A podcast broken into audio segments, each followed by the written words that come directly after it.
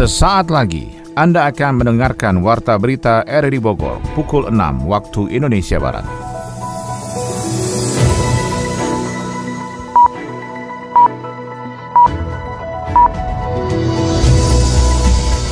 Selamat pagi dan salam jumpa. Kembali kami hadir dalam Warta Berita edisi hari ini, Selasa 17 Januari 2023. Siaran kami bisa Anda dengarkan lewat audio streaming di RRI Play dan bisa Anda dengarkan juga di audio on demand di Spotify, Anchor, Portal, dan Google Podcast. Berita utama pagi ini adalah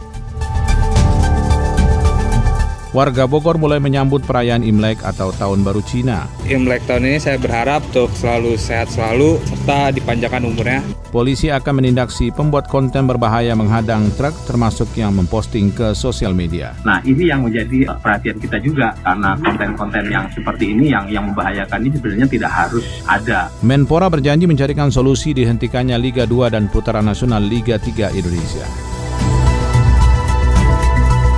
Saya Maulana Isnarto, inilah Warta Berita selengkapnya.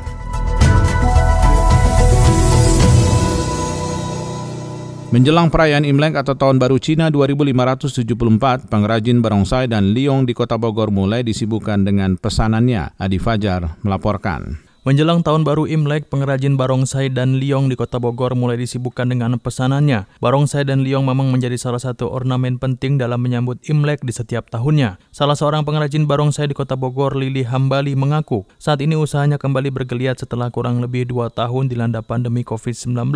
Momentum Imlek tahun 2023 ini dimanfaatkan untuk kembali meraih pundi-pundi dari usaha pembuatan barongsai dan liong yang telah ia geluti sejak kurang lebih 20 tahun yang lalu. Lili mengungkapkan saat ini pesanan sudah mulai masuk dan siap untuk dikirim ke beberapa wilayah di Indonesia. Kita buka apa usaha gini tuh semenjak zaman reformasi ya. Awalnya sih kita main dulu. Setiap main kan biasanya suka ada yang rusak juga apa robek gitu ya.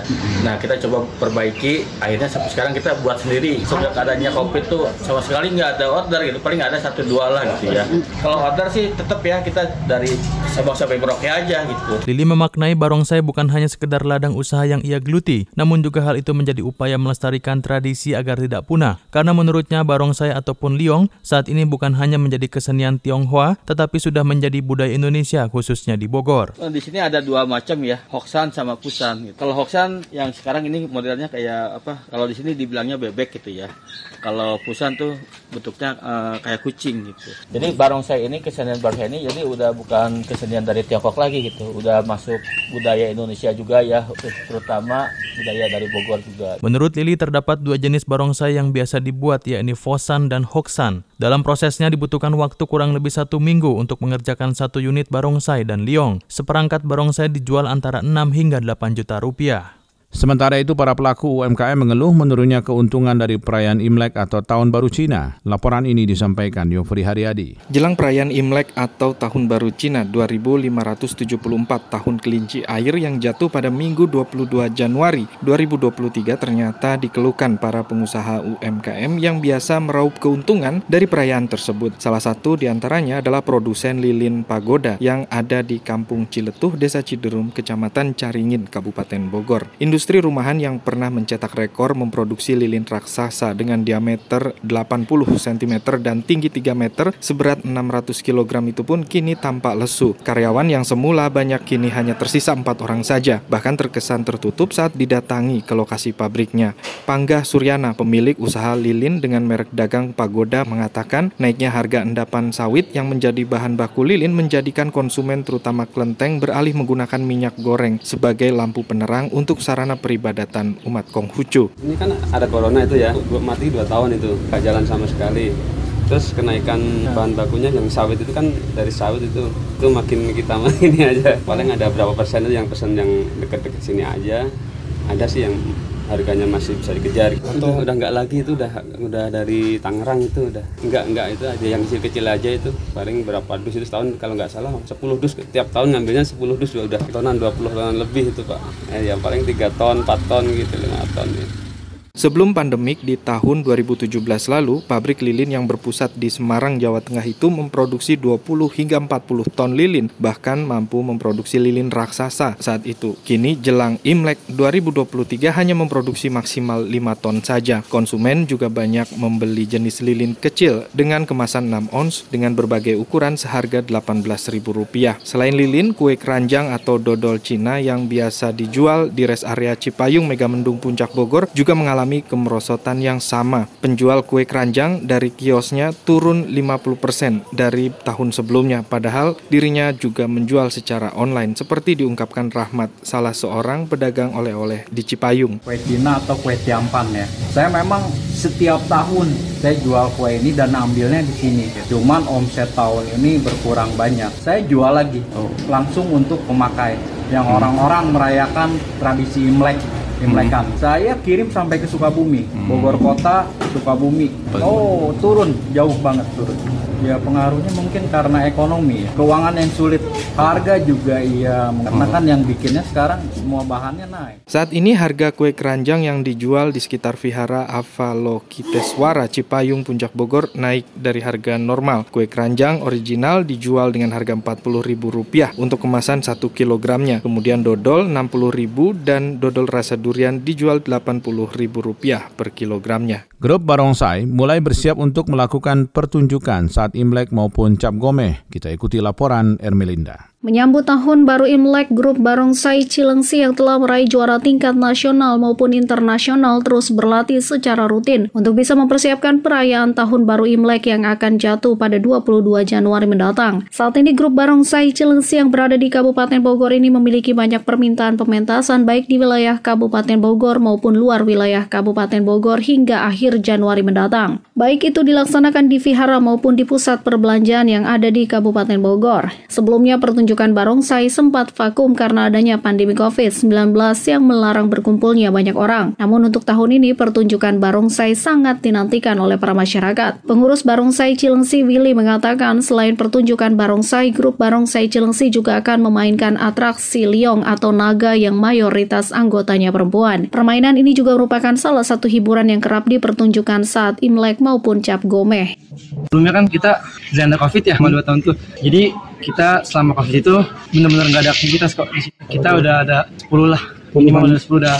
Mengingat tahun ini tahun pertama kita buat ikut show-show di luar, jadi kita nggak mau ada kekecewaan lah di antara kita atau tim ini buat yang manggil juga gitu. Kita sehari dua kali seminggu. Menurut Willy dalam pertunjukan barongsai nanti akan lebih banyak menampilkan gerakan kaki yang cepat dan kuat dan seimbang. Salah satu gerakan barongsai misalnya dengan cara naik ke atas bahu pasangan dengan kedua kaki lalu ada gerakan berdiri dengan satu kaki kemudian satunya lagi mengais ke depan. Tentunya atraksi seperti ini sangat dinantikan oleh masyarakat yang ingin melihat nanti. Sementara itu juga salah satu pengurus barongsai dari Kabupaten Bogor Hendy juga menyampaikan jika tim barongsai Kabupaten Bogor pun akan banyak mengikuti acara atau event di perayaan Imlek 2023. Saat ini persiapan terus dilakukan oleh tim Barongsai Kabupaten Bogor. Hendy menjelaskan timnya sudah siap tampil all out di perayaan Imlek 2023 dan siap menghibur masyarakat. Untuk tim Barongsai Kabupaten Bogor, kita mengisi di beberapa titik di mall di Kabupaten Bogor dan di luar Kabupaten Bogor. Salah satunya untuk acara yang dalam dekat ini kita akan mengisi acara di Ion Mall Sentul. Kita akan mengisi acara di tanggal 21, 22, 28, 29 Barongsai Tonggak. Untuk menjelang Imlek ini persiapan kita sudah 90% maksimal dan uh, kita mempersiapkan berbagai macam kategori sih ya dari segi barongsai tonggak, barongsai lantai dan kita mengatur tim-tim kita di Kabupaten Bogor. Tahun Baru Cina atau biasa dikenal dengan sebutan Imlek identik dengan barongsai. Tarian singa ini selalu menghiasi perayaan Imlek di mal-mal maupun tempat umum lainnya dan menjadi daya tarik tersendiri bagi masyarakat saat menyaksikan gerakan-gerakan atraktif dari para penari barongsai. Barongsai adalah tarian tradisional Cina dengan menggunakan sarung yang menyerupai singa. Kesenian ini mulai populer di zaman dinasti Nanbei sekitar tahun 420 hingga 589 Masehi. Masyarakat khususnya warga keturunan Tionghoa menyambut antusias perayaan Imlek atau Tahun Baru Cina 2574 yang jatuh pada hari Minggu 22 Januari 2020. 2023. Berikut kita ikuti penuturannya kepada RRI. Saya Dedi, asal asli Bogor, Untuk Imlek tahun ini saya berharap untuk selalu sehat selalu serta dipanjangkan umurnya. Ya pasti sih itu, itu udah tiap tahunnya selalu dirayain. Jadi harapannya untuk tahun ini di kelinci air itu semoga kita semua diberikan kelimpahan rezeki, kesehatan, keselamatan, dijauhkan dari semua mara bahaya, sakit penyakit, kejahatan, terus sukses untuk semua hal yang dijalani dan ya yang baik-baik deh semuanya untuk kita semua amin. Oh Benny, harapan saya sih ke depannya lebih rajin ibadah, terus sama mendekatkan sama keluarga juga sih, kumpul-kumpul keluarga. Udah gitu doang sih. Ya berharap aja sih kalau misalkan lebih ditingkatkan lagi toleransinya antara agama gitu-gitu ya. Sama yang beda ras juga gitu-gitu. Semoga nggak ada perpecahan lah. Jadi biar bisa saling menghargai juga.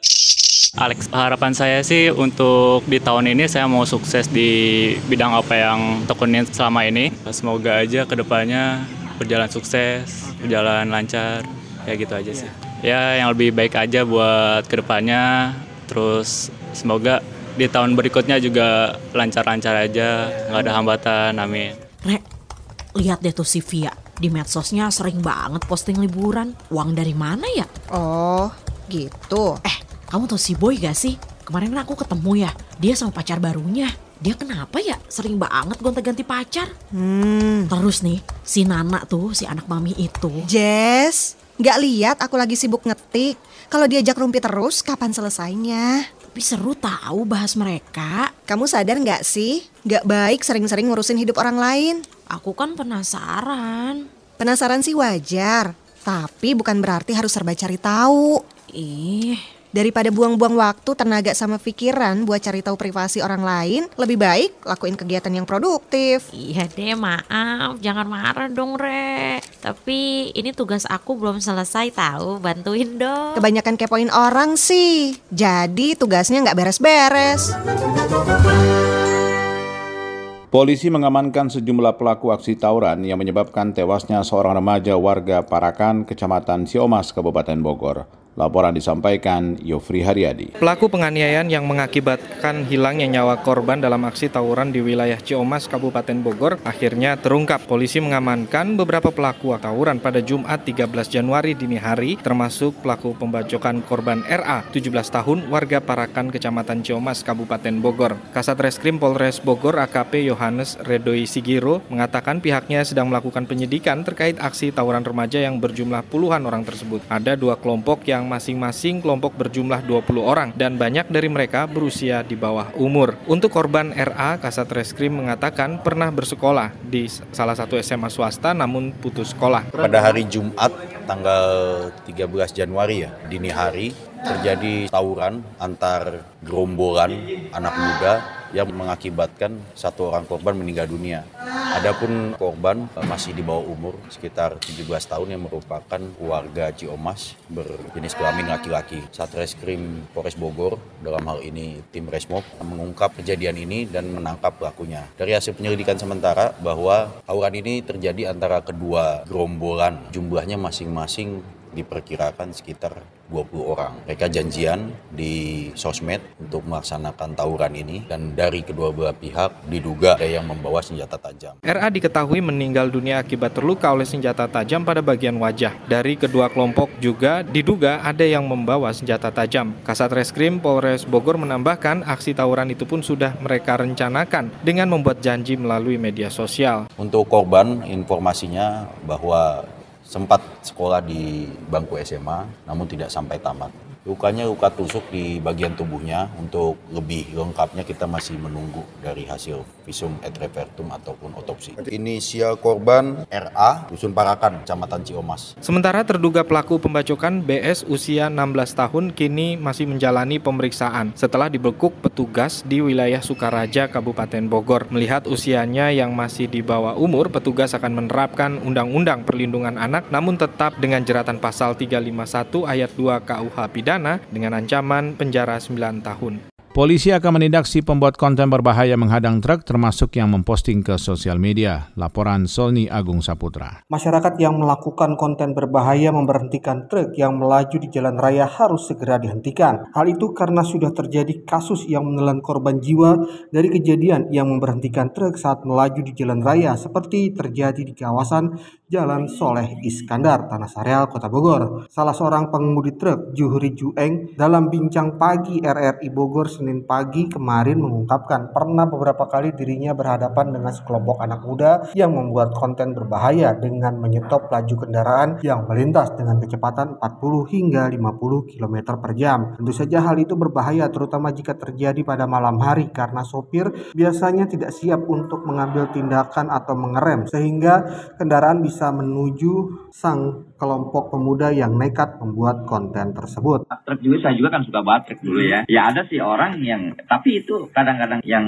nyetop itu ya tergantung kita eh, mengendali seperti apa nih kita menyikapinya waktu di jalan lah. Kita alami juga. Kalau saya ya saya rem, kalau memang dia mau ikut atau gimana ya udah. Tapi kan kejadiannya beda-beda Pak mungkin hmm. supir itu. Apakah dia dengan mendadak atau dan sebagainya. Kalau kita fokus ya kita bisa. Tapi kalau kita lagi misalkan tidak fokus ya bisa terjadi kecelakaan begitu Pak. Yang saya alami sendiri waktu itu ya. Waktu saya baterai juga sama Pak. Saya pernah di, dijegat juga. Waduh ya tapi karena kita memang kecepatan tidak terlalu kencang ya kami fokus juga kami akhirnya ya selamat. Akhirnya dia cuma konten dia ikut kadang-kadang. Cuma ikut tuh ikut di di truk itu ya. banyak. Waduh kita mau diajak gimana ya udahlah. Menyikapi hal tersebut Kasubnit Keselamatan Jalan Raya Polresta Bogor Kota Ibtu Susilo menegaskan konten tersebut sangatlah berbahaya karena bisa saja mencederai sang pembuat konten atau malah menyebabkan meninggal dunia. Untuk itu pihaknya melakukan tindakan tegas terukur terhadap pembuat konten termasuk yang mengunggah konten tersebut ke media sosial dengan Undang-Undang ITE saat ini bekerja sama dengan fungsi Satreskrim untuk mencari si pembuat konten termasuk yang memposting ke media sosial agar bisa terjerat tindak pidana. Bisa mendapatkan pundi-pundi dari medsos, makanya banyak nih viral-viral gitu kan. Hal-hal seperti ini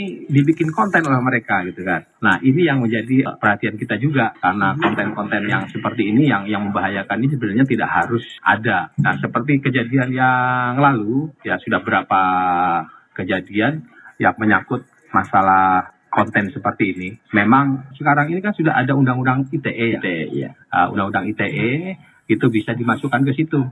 Karena kita tahu sendiri kendaraan beban itu dia kalau memuat barang kemudian bebannya berat dengan laju kendaraan rendah pun titik pengeremannya akan jauh. Ya apalagi kecepatannya tinggi. Sehingga titik remnya juga pasti jauh. Kemudian edukasi kepada anak remaja juga berjalan agar mereka bisa menghindari tindakan yang tidak produktif terutama membahayakan jiwa seperti membuat konten menyetup truk yang sedang melaju. Rusaknya jalan menuju objek wisata di barat Kabupaten Bogor berakibat pada merosotnya tingkat kunjungan wisata pada libur panjang dan akhir pekan. Laporan disampaikan Yofri Haryadi. Kondisi jalan menuju objek wisata di barat Kabupaten Bogor, khususnya menuju Desa Malasari, Kecamatan Sukajaya, rusak parah. Hal itu juga berakibat pada merosotnya tingkat kunjungan wisata pada libur panjang dan akhir pekan. Kepala Desa Malasari, Kecamatan Sukajaya, Kabupaten Bogor, Andi Zailani Firdaus mengatakan, usulan untuk perbaikan jalan, terutama akses menuju destinasi wisata Desa Malasari, sudah dua kali diusulkan dalam musrenbang pada 2019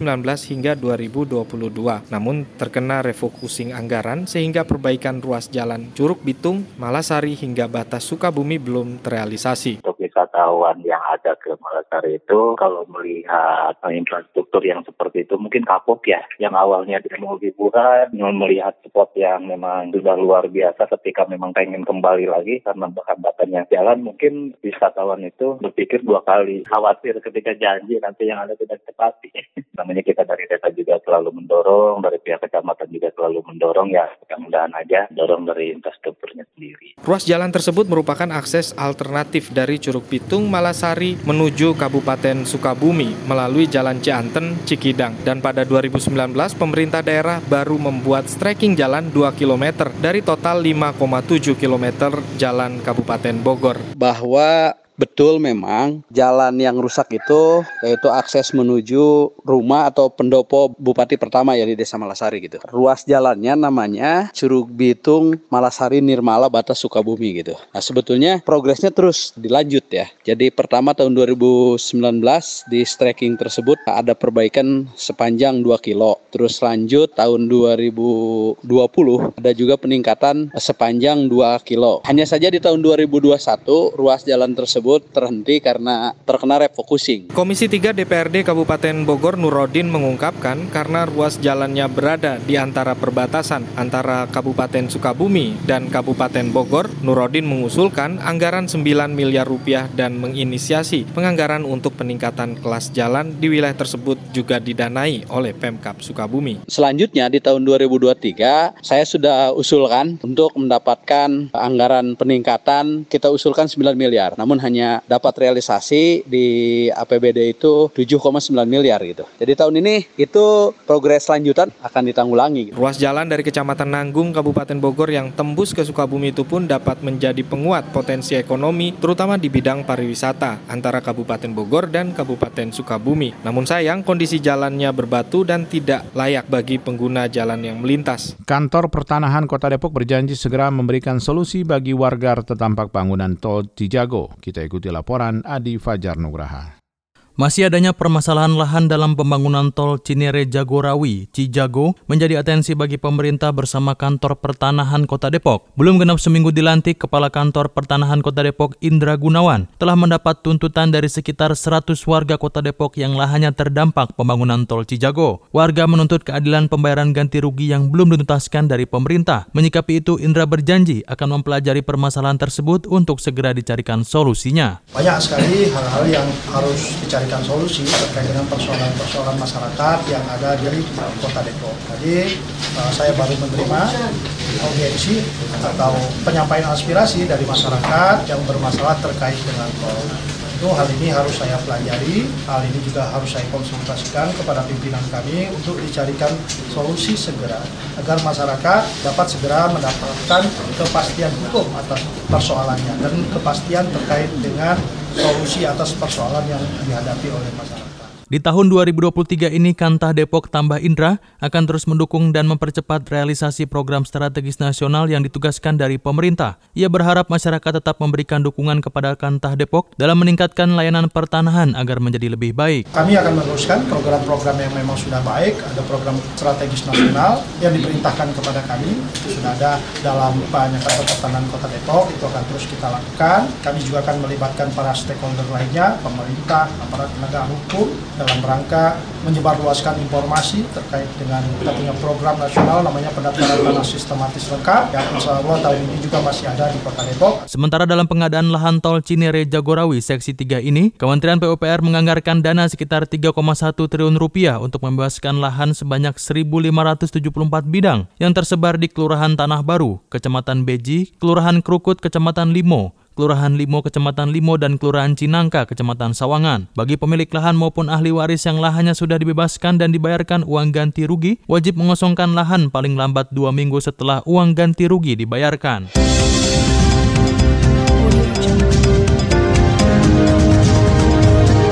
Anda tengah mendengarkan Warta Berita RRI Bogor. Kini kami sampaikan info ekonomi soal Badan Pusat Statistik mencatat jumlah orang miskin di Indonesia mencapai 26,36 juta orang per September 2022. Neraca dagang Indonesia mengalami surplus 54,46 miliar dolar Amerika Serikat. Kita akan ikuti selengkapnya dalam info ekonomi bersama Adi Fajar Nugraha. Badan Pusat Statistik BPS mencatat jumlah orang miskin di Indonesia mencapai 26,36 juta orang per September 2022 Jumlah ini naik tipis dibandingkan pada akhir Maret 2022 sebanyak 26,16 juta orang. Kepala BPS Margo Yono mengatakan secara persentasenya jumlah masyarakat miskin per September sebesar 9,57 persen, naik 0,03 persen dibandingkan Maret yang sebesar 9,54 persen. Margo menyebutkan ada beberapa penyebab kemiskinan naik di September 2022. Di antaranya masih terdapat penduduk usia kerja yang terdampak pandemi, upah buruh tani harian turun, konsumsi rumah tangga dan pertumbuhan ekonomi ekonomi yang melambat di kuartal 3. Penyebab lainnya adalah PHK di sektor padat karya seperti industri tekstil, alas kaki, dan perusahaan teknologi hingga kenaikan harga bahan bakar minyak atau BBM. Setidaknya BPS mencatat ada 9 komoditas pangan maupun non-pangan utama yang harganya naik dan mendorong kenaikan kemiskinan di September. Meski pemerintah memberikan bantalan melalui bansos, tetapi tidak dapat dipungkiri kenaikan harga BBM memberikan dampak ke harga komoditas yang paling banyak dikonsumsi masyarakat miskin. Adapun penghitungan jumlah kemiskinan di Indonesia memang dilakukan dua kali dalam satu tahun, setiap Maret dan September. Saat ini garis kemiskinan Indonesia naik 5,95 persen dari Rp505.000 di Maret 2022 menjadi Rp535.547 per kapita per bulannya. Sementara itu BPS juga mencatat neraca perdagangan Indonesia begitu cerah di sepanjang tahun 2022. Setiap bulan berturut-turut neraca dagang Indonesia selalu surplus. Secara tahunan neraca dagang Indonesia juga mengalami surplus sebesar 54,46 miliar US dollar. Sementara itu secara bulanan neraca dagang Indonesia di Desember 2022 mengalami surplus sebesar 3,89 miliar US dollar. Ini merupakan surplus neraca perdagangan yang ke-32 kali berturut-turut secara bulanan. Surplus pada Desember 2022 terjadi terjadi karena nilai ekspor di Desember masih lebih tinggi dibandingkan impor. Meskipun surplus yang terjadi lebih rendah dibandingkan bulan sebelumnya, nilai ekspor Indonesia di Desember 2022 mencapai 23,83 miliar US dollar. Angka itu turun sebesar 1,10 persen dibandingkan bulan sebelumnya. Sementara untuk impor, Margo mengatakan pada Desember 2022 mencapai 19,94 miliar US dollar. Nilai itu tumbuh 5,16 persen bila dibandingkan dengan impor pada November 2022.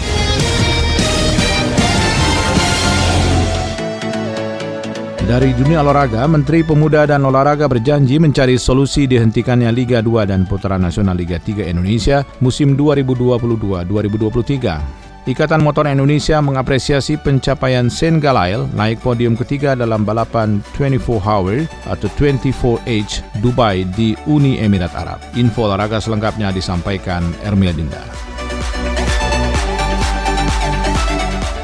Menteri Pemuda dan Olahraga Menpora Zainuddin Amali berjanji mencari solusi atas persoalan Liga 2 dan putaran nasional Liga 3 Indonesia musim 2022-2023 yang dihentikan pelaksanaannya oleh PSSI. Pernyataan tersebut disampaikan Menpora sesaat setelah pertemuan dengan beberapa klub Liga 2. Zainuddin Amali pun yakin keterlibatan dirinya dapat memunculkan solusi atas permasalahan tersebut. Hal itu lantaran Menpora pernah terlibat dalam pemecahan kebuntuan di sepak bola nasional karena masih harus berkomunikasi dengan PSSI PSSI operator kompetisi PT Liga Indonesia baru pria yang lahir di Gorontalo 60 tahun lalu itu menegaskan bahwa ia belum bisa menyampaikan secara teknis soal rencana kelanjutan Liga 2 maupun Liga 3 itu. Adapun perwakilan klub-klub Liga 2 yang datang menemui Menpora Zainuddin Amali adalah Persipura, Semen Padang, FC Bekasi City, PSMS, Karo United, Sulut United, Persipal, PSIM, Persijap, dan juga Persiwar. Mereka didampingi oleh delegasi Asosiasi Pesepak Bola Profesional seluruh Indonesia, Andri Tani Rani Adriasa dan juga Jen Silitonga. Manajer Persipura Yan Mandenas menyambut baik dengan kesediaan Menpora untuk bisa mencarikan solusi terbaik bagi kelanjutan Liga 2 dan Liga 3. PSSI berdasarkan keputusan yang diambil dalam rapat Komite Eksekutif atau Exco menghentikan penyelenggaraan Liga 2 dan Liga 3 Indonesia musim 2022-2023 mulai 12 Januari 2023. Ketiadaan Liga 2 2022-2023 berimbas pada tidak adanya degradasi di Liga Liga 1 Indonesia musim 2022-2023.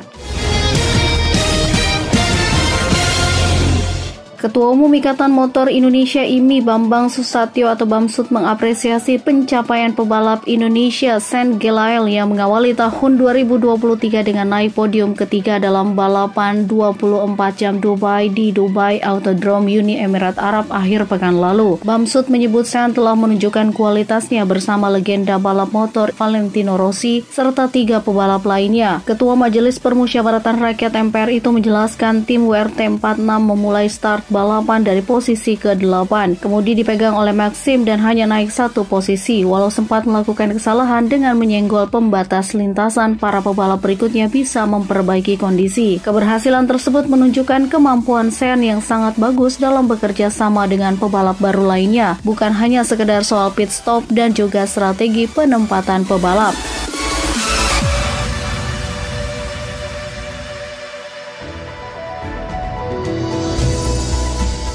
Demikian rangkaian informasi yang kami hadirkan dalam Warta Berita di edisi hari ini. Sebelum berpisah, kami kembali sampaikan berita utama.